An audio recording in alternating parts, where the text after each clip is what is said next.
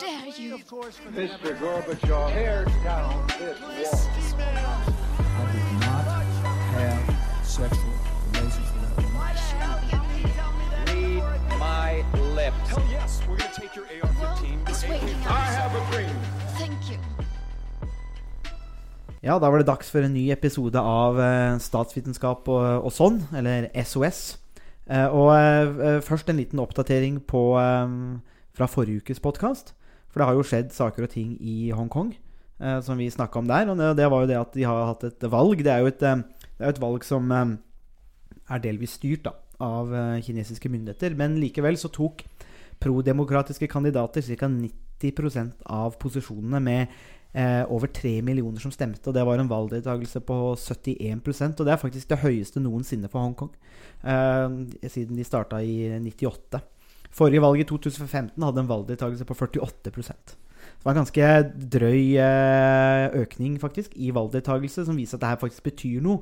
Eh, og det som også var litt viktig, var at over halvparten av de 452 plassene som kunne vinnes i valget, de byttet fra pro Beijing-seter til pro demokrati-kandidater. Så hva, hva tenker du om den, eh, Harald?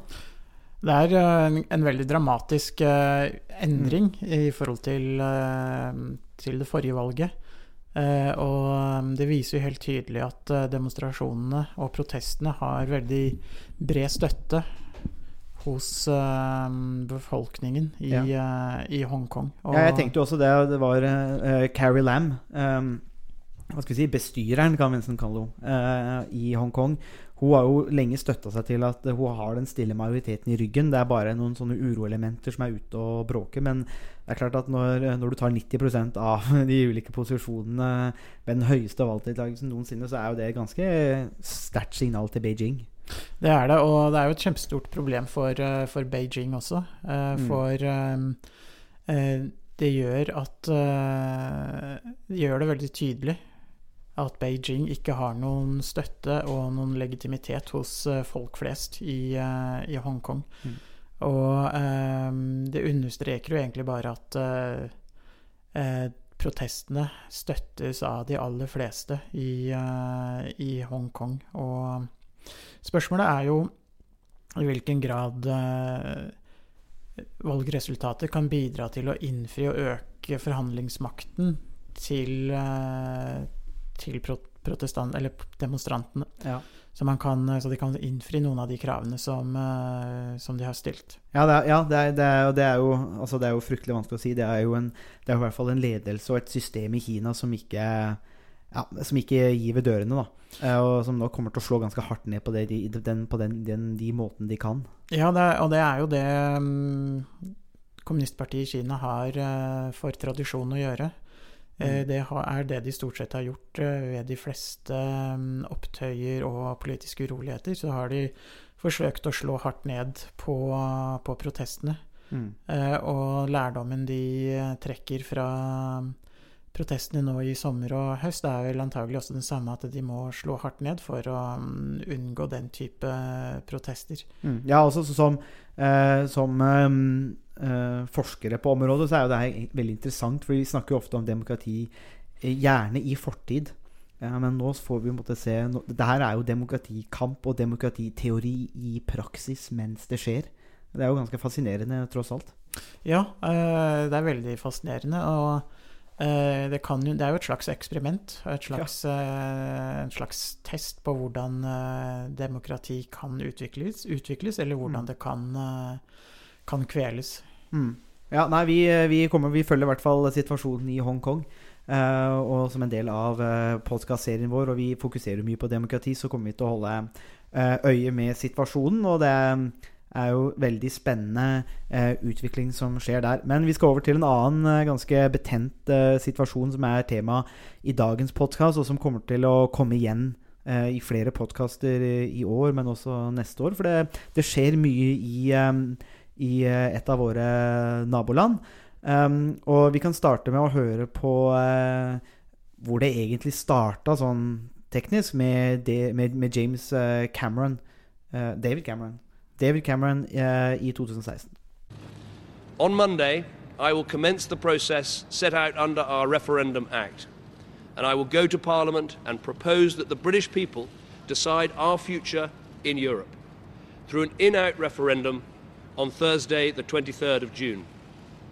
The choice is in your hands, but my recommendation is clear. I believe that Britain will be safer, stronger, and better off in a reformed European Union. Ja, eh, 2016. Eh, statsminister Cameron eh, introduserer, snakker om at eh, nå skal vi ha en folkeavstemning på EU, og han gir jo noen klare, gir noen klare råd, han. Men eh, i, i, i det klippet. Men når vi snakker om brexit, så hvor starter vi egentlig da, Harald? Altså, Du er jo en brexit-ekspert. En anglofil, er det, er det, kan vi kalle deg en anglofil? Ja, jeg er absolutt uh, anglofil. Ja. Um, og jeg har jo bodd noen år i, uh, i England, så um, jeg liker England uh, veldig godt. Ja, det er, jo, det er jo veldig fint. all, uh, Den akademiske kulturen og sansen for den akademiske kultur- kulturen er jo noe vi deler. Og vi, de, vi deler vel også eh, demonstrasjonene som nå foregår i uh, britisk akademia òg, mot eh, et enormt arbeidspress eh, som de opplever der, og dårlige arbeidsvilkår. Eh, men når vi går til eh, brexit, eh, hvor starter vi da egentlig? Ja, vi, vi kan jo egentlig um, um, starte uh, med eh, valget i Storbritannia i 2015. Eh, fra 2010 og fram til 2015 så var det en mindretalls... eh, eller så var det en flertallsregjering som besto av en kollisjon som besto av eh, de konservative og liberaldemokratene. Så vanligvis i Storbritannia så har man jo ofte flertallsregjeringer som består av ett et parti, som enten Labour eller de konservative. Men Det er et unikt valgsystem som ikke eh, reflekterer vårt rep representative, eller proporsjonale. ja, helt, helt riktig. Det, det kalles first past the post, så Ja. den eh, kandidaten, eller det partiet som får flest stemmer, eh, er også den eh, kandidaten som blir valgt til parlamentsmedlem. Eh, men uh, fram til 2015 så var det en koalisjonsregjering mellom liberaldemokratene og de konservative. Og um, i, innad i det konservative partiet så har det lenge, egentlig over flere tiår, eh, vært eh, en viss eh, EU-motstand og skepsis Mm. eh, mot eh, EU og Brussel og eh, det politiske systemet og det byråkratiske systemet. Eh, kanskje spesielt byråkratiet. Mm. Eh, og det har vært et ønske om eh, å holde en folkeavstemning om eh, medlemskap. Eller fortsatt medlemskap for Storbritannia. Mm. Og eh, David Cameron sa ja til eh, et sånt ønske om å gjennomføre en, eh, en folkeavstemning. For å gi en, eh, noe til, eh, til de, de EU-skeptiske i det konservative partiet. Handler det bare om EU, eller handler det om den, den, altså den arven fra imperiet? Ja, eh, det er jo på mange måter begge deler. Eh, Mm. Det er en motstand mot EU som mange ser på som eh, byråkratisk eh, og lite demokratisk. Og så er det en slags eh, nostalgi og romantikk knyttet opp til hvor stort det britiske imperiet var eh, på slutten av 1800-tallet og et godt stykke ut på 1900-tallet.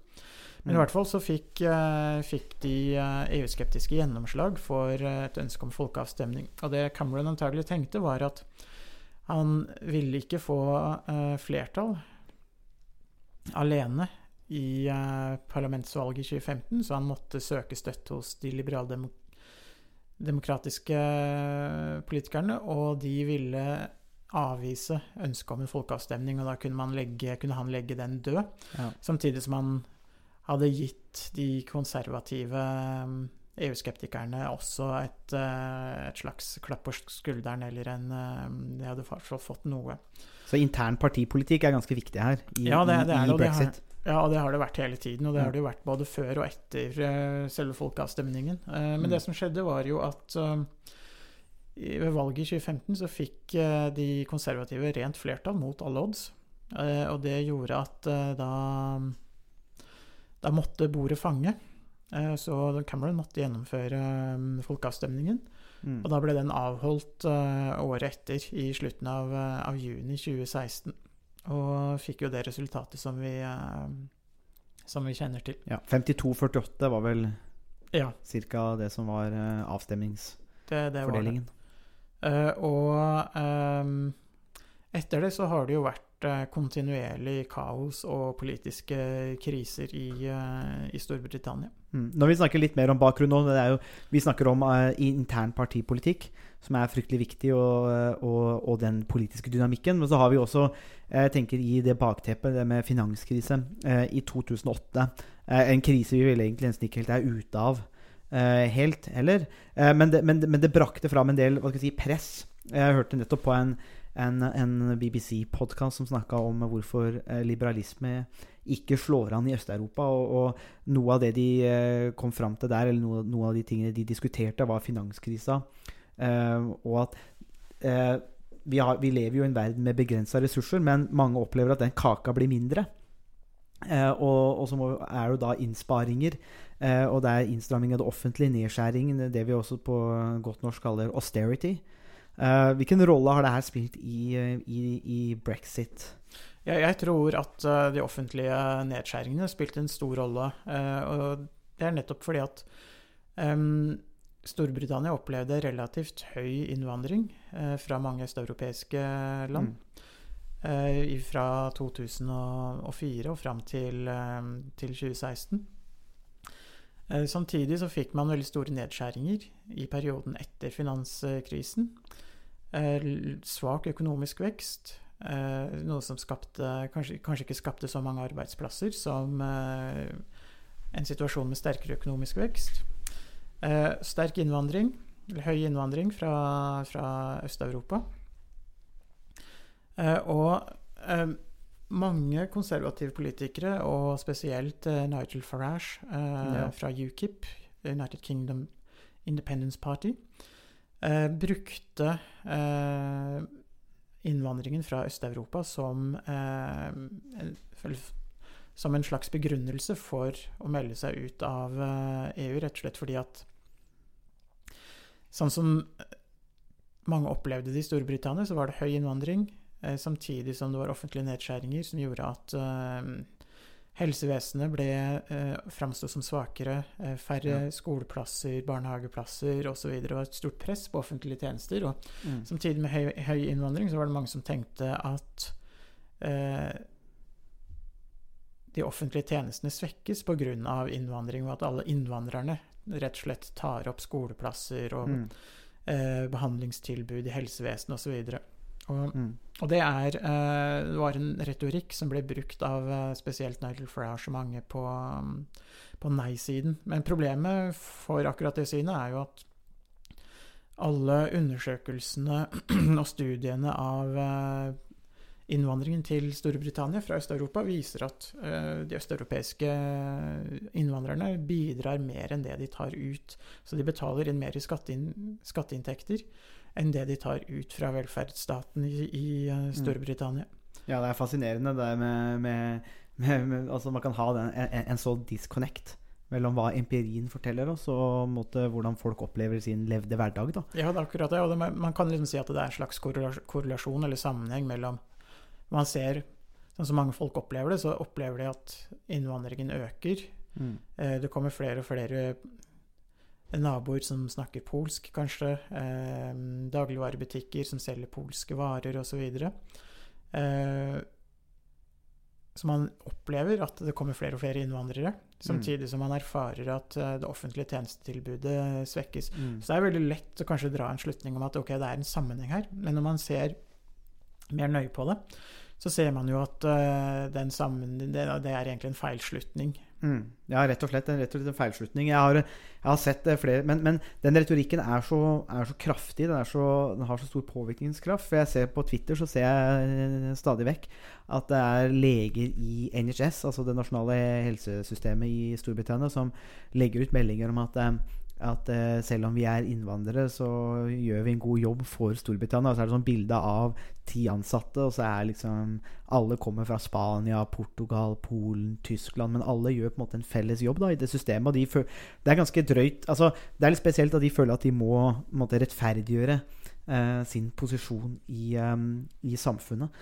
Eh, og så tenker jeg bare helt kort at jeg har jo gode venner i, i London, f.eks., uh, og med høy utdanning. Og i hvert fall når jeg er i London og snakker med de, og vi er jo stort sett alle enige om at brexit er en, ja, en svært dårlig avgjørelse. Men det som også slår meg, er at man kanskje også lever i litt uh, atskilte virkeligheter. Altså Den levde virkeligheten i London med for høyt utdanna folk er veldig bra.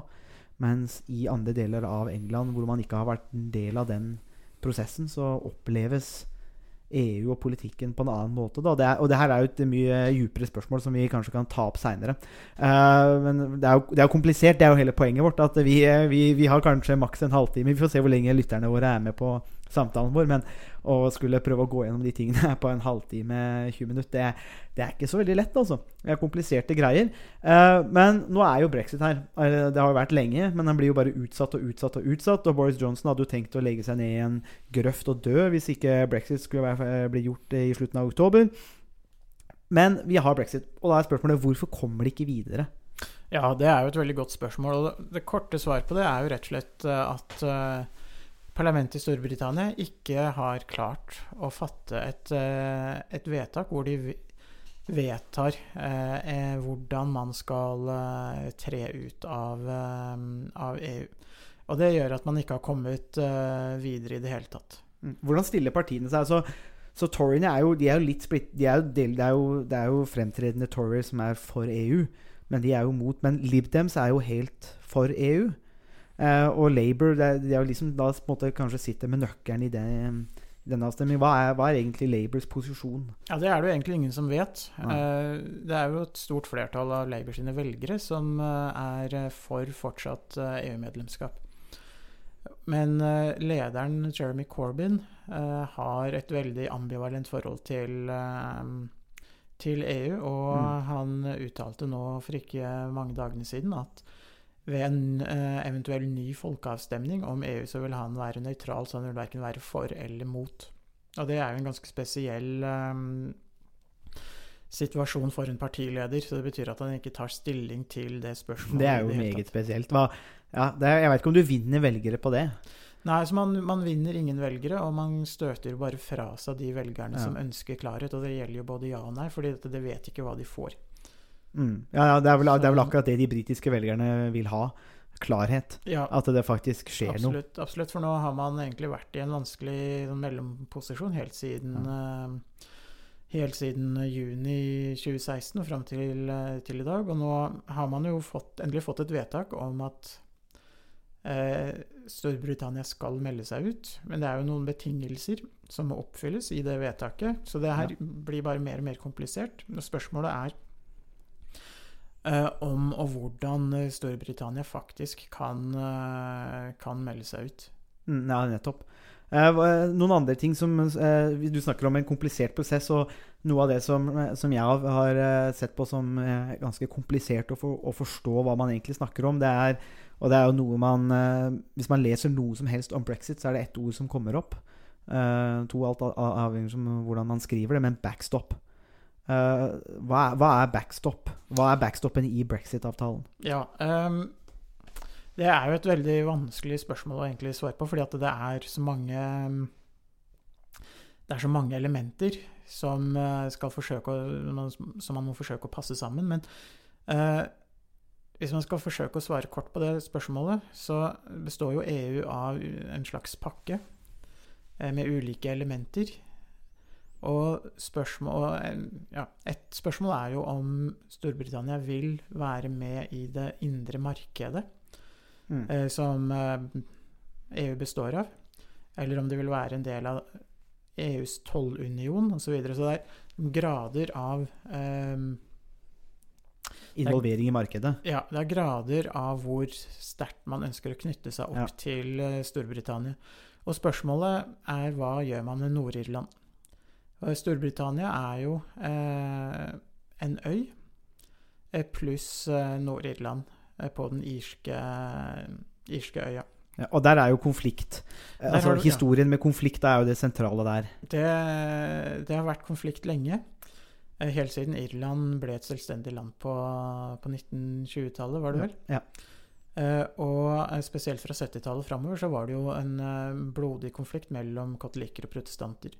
Eh, fordelen med EU var at med det indre markedet så trengte man ingen eh, hard eller fysisk grense mellom eh, de ulike EU-landene. Og det var veldig fordelaktig for både Irland og Nord-Irland, fordi at da kunne man utvikle Man kunne egentlig utvikle Irland, hele øya Irland, hele den irske øya, som en helhet. Mm. Man trengte ikke å ta hensyn til at eh, Nord-Irland egentlig var en del av Storbritannia. Så man fikk mange av de fordelene man, som katolikkene ønsket med en gjenforening, men samtidig så kunne man holde Nord-Irland som en egen del av, av Storbritannia, og, Mm. som var et ønske blant protestantene. Ja, dette er jo viktig for å dempe konfliktnivået, og har jo blitt brakt opp av de ulike par pa partene. Det er en- nettopp det. Så At det her var- er dempet konfliktnivå. det her var en veldig viktig del av den uh, avtalen man fikk uh, flertall for i 1997, så vidt jeg Ja. husker. Eh, som egentlig skapte et fredfullt uh, Nord-Irland. Uh, for uh, på 80- og store deler av 90-tallet så patruljerte jo soldater opp og ned gatene i, eh, i Belfast og andre nordirske byer. Ja, de har jo kommet et godt stykke. Jeg kan jo bare nevne sånn eh, anekdotemessig at jeg har jo møtt en bombemaker fra IRA. eh, som eh, slapp ut eh, som en del av eh, Good Friday Agreement. som var satt, egentlig satt inne på livstid da, for å ha sprengt ganske mange mennesker i, i lufta. Men som en del av den avtalen da, slapp ut, og har jo ikke gjort noe etterpå. Eh, fordi at den politiske avtalen fungerte. Så man skjønner jo hvorfor de er redde i Irland, Nord-Irland for hva brexit kan ha å si, når man vet hvor blodig det området har vært. Det er nettopp det, og det er veldig stor eh, økonomisk eh, samarbeid, altså mye økonomisk samarbeid mellom både Nord-Irland og resten av Irland. En veldig stor andel av melk, kjøtt, meieriprodukter blir sendt fra Nord-Irland til eh, resten av Irland. Mm. Spørsmålet er da hvis Storbritannia ikke er EU-medlemmer, hvordan kan man da gjennomføre den eksporten og den, Ja. det varebyttet over, eh, over grensene? Og dersom Storbritannia ikke skal være med enten i det indre markedet eller tollunionen, så betyr det at man må ha en grense mellom Nord-Irland og resten av Irland. Eh, og det vil skape store problemer eh, for næringslivet på eh, den irske øya. Fint for byråkratene, da. Det Som, kan eh, være veldig fint i, for- I tollvesenet. Abs absolutt. Så det vil skape masse Vekstindustri. Skape masse nye arbeidsplasser i, eh, i, eh, for, for tollerne. Men eh, spørsmålet er hvordan man eh, Hvor er det grensen mellom Ja. EU og Storbritannia skal, eh, skal gå? For resten av Storbritannia er det veldig enkelt, fordi det er hav på alle kanter. Men for, eh, når det gjelder Nord-Irland, så, så er det en landgrense. Mm. Uh, og spørsmålet er da om hele Storbritannia skal være en del av tollunionen og det indre markedet, eller om bare Nord-Irland skal være en del av eh, tollunionen og det indre markedet. Mm. Så Det er egentlig det som er spørsmålet om eh, det som kalles for eh, the backstop. Ja, sånn, sånn sett så er det jo Det er jo ja, det er ganske Når du eh, Til å akademiker syns jeg det egentlig var veldig godt forklart på kort tid. Eh, og når du putter det i de termene der, så, så fremstår jo den backstopen Det er ganske dramatisk, egentlig. fordi at hvis man tillater Nord-Irland å være en del av EU, eller det markedet, så, så er jo på en måte det å, å fragmentere eller splitte opp unionen litt. Ja, Som Og da, det blir, da blir det også symbolsk. det er nettopp det. Så det her handler jo om hva slags brexit Storbritannia ønsker. Hvis man ønsker Mm. det som kalles en hard bre brexit, eh, så betyr det jo at eh, Nord-Irland også vil være en del av Storbritannia og ikke en del av EU. Da må man ha en hard grense mellom, mellom Nord-Irland og resten av Irland. Hvis man vil ha en soft brexit, så vil eh, hele eller deler av Storbritannia være med i det indre markedet eller tollunionen. Um, og da vil eh, Storbritannia være bundet av det som EU bestemmer, på samme måte som Norge er bundet av EØS-avtalen. Mm. Eh, og konsekvensen av det er jo at man får det som kalles brexit in name only. At det er bare en eh, symbolsk eh, utmeldelse. Men det er, det, er, det er kanskje det Noen ganger så kan man jo få følelsen at det er det som er det viktigste for de som er for eh, brexit òg. At det er mer sånn at eh, nå vil de vise fingeren til, til EU. Storbritannia er fortsatt Great Britain. Det, det kan man få inntrykk av helt fram til de skal stemme over avtalene.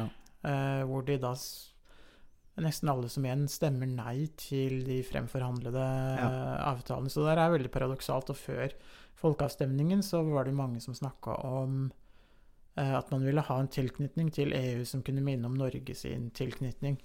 Eh, men så ble man jo da klar over at da var man bundet av eh, rettssystemet i eh, EU. Man måtte fortsette å være en del av EUs indre marked osv. Noe som, eh, som mange ikke var klar over eh, på forhånd. Eh, og da ble man gradvis eh, tvunget til å innta en mer sånn hard brexit-posisjon, hvor man ble mer og mer ville skape større og større avstand mellom Storbritannia og, um, og EU. Og ja. eh, det, det har jo skapt mye av den usikkerheten som vi har sett eh, de siste årene. Noe av det er jo rett og slett skapt pga. kunnskapsløshet hos eh, politikerne i Storbritannia. Sjokkerende påstand, Harald, at politikere stort sett er jeg, jeg, jeg tolker det ikke at politikere stort sett er kunnskapsløse, men det kan godt hende. Ja, alle, er- alle, alle som én. alle, alle, som skjærer alle over én kam. ja, det er, det er veldig fint å bare kunne generalisere. Så i god brexit-ånd så- og brexit-debatt-ånd så bare generaliserer vi. Eh, og så opererer vi i manikeiske termer, svart-hvitt. Det er en mye enklere verden å operere i. Men, så nå har vi jo snakka litt nettopp det der med veien videre. Forskjellen på en hard og soft brexit. Eh, er det noen sjanse for eh, no brexit? Eh, man kan vel si at eh, det er en viss sjanse for det, selv om den kanskje er veldig liten. Men, og det er jo eh, Alt er jo veldig usikkert uh, enda. Eh, men uh, det spørs jo også hvem som vinner valget nå om to-tre uker. Ja. Det skal være nytt parlamentsvalg i Storbritannia. Og vi følger jo da opp med podkast Det, det eh, dag, dagen etter valget. Med, med, med eh, internasjonal ekspert. Det, det gjør vi. Den blir på Eh, engelsk, så det er bare å glede seg. Det er det. Eh, Vi får besøk av eh, professor Matt, Matt Travers fra University of York. Ja. Som eh, skal um, Kommer én til æren for å snakke i vår Det stemmer. Han kommer på eh, nesten Kan nesten kalle det bispevisitas Nesten. til Høgskolen i Østfold. Ja. Så vi um, Det er nesten som Ja, så vi får eksklu eksklusivt besøk. Så Ja. vi uh, bruker jo den anledningen til å Mm. til å få en vurdering av valget, som er dagen før, 12. desember. Da kommer vi til å snakke mer om brexit. Så vi blir ikke, vi blir ikke ferdig med brexit med Bre det første. Brexit er, eh, er en sak som eh, vi sikkert kommer til å snakke mye om uh, framover. For den, det er en sak eh, som egentlig utvikler seg eh, nesten, eh, nesten daglig. Mm. Så det, blir, eh, det kommer nok nye vendinger der også, spesielt når man skal forhandle om uh, frihandelsavtale mellom Storbritannia og EU. Dersom, eh, dersom eh, Storbritannia melder seg ut den 20. januar, som er, eh, som er planen. Mm. Ja, det blir, det blir spennende å se hva som skjer med Storbritannia. Eh, men det var vel stort sett det vi hadde tid til i dag. Da har vi, vi har vel gitt en sånn OK innføring nå, tror jeg, i, i brexit. Det Ja, ikke- ja, det er en slags uh, Ellers så blir vi jo sittende i mange timer. vi, det kan, eh, vi kan bli sittende i mange timer hvis Ja. vi skal snakke om brexit, men jeg tror kanskje vi har Det får holde nå, kanskje? Ja, jeg tror jeg får Ja. sette strek nå, og så fortsette senere. Det er bare å glede seg. Takk for at du hørte på denne episoden av SOS. Hvis du likte det du hørte, så setter vi stor pris på om du vil dele podkasten med venner og bekjente. Eh, Vi tar gjerne imot spørsmål, eh, og adressene for elektronisk post ligger i eh, beskrivelsen. Musikken var komponert av Robin Horvath, og neste episode kommer om en uke sånn cirka. Vi høres! And change is coming whether you like it or not.